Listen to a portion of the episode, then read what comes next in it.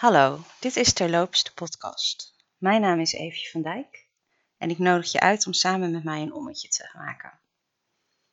Welkom, leuk dat je luistert. Sint Nicolaas, het is vandaag.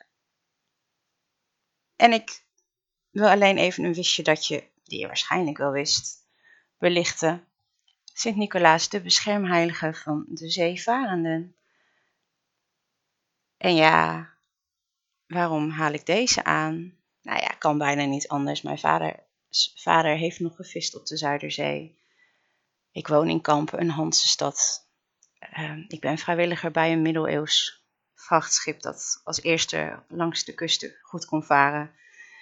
Ehm, dus ik heb wel iets met water. En in al die steden waar je dan komt, is wel een Sint-Nicolaaskerk te vinden. En ja, die bescherming was natuurlijk keihard nodig, want de meeste zeelieden konden niet zwemmen. En bovendien, als je overboord raakt in een storm, is er ook geen houden meer aan. Het is niet zo gek dat daar heel veel geloof en waarde aan werd gehecht. Dat wetende, is het niet zo gek dat Sinterklaas ieder jaar weer per boot, per schip naar Nederland komt. Al is het plaatselijk natuurlijk wel eens anders geregeld.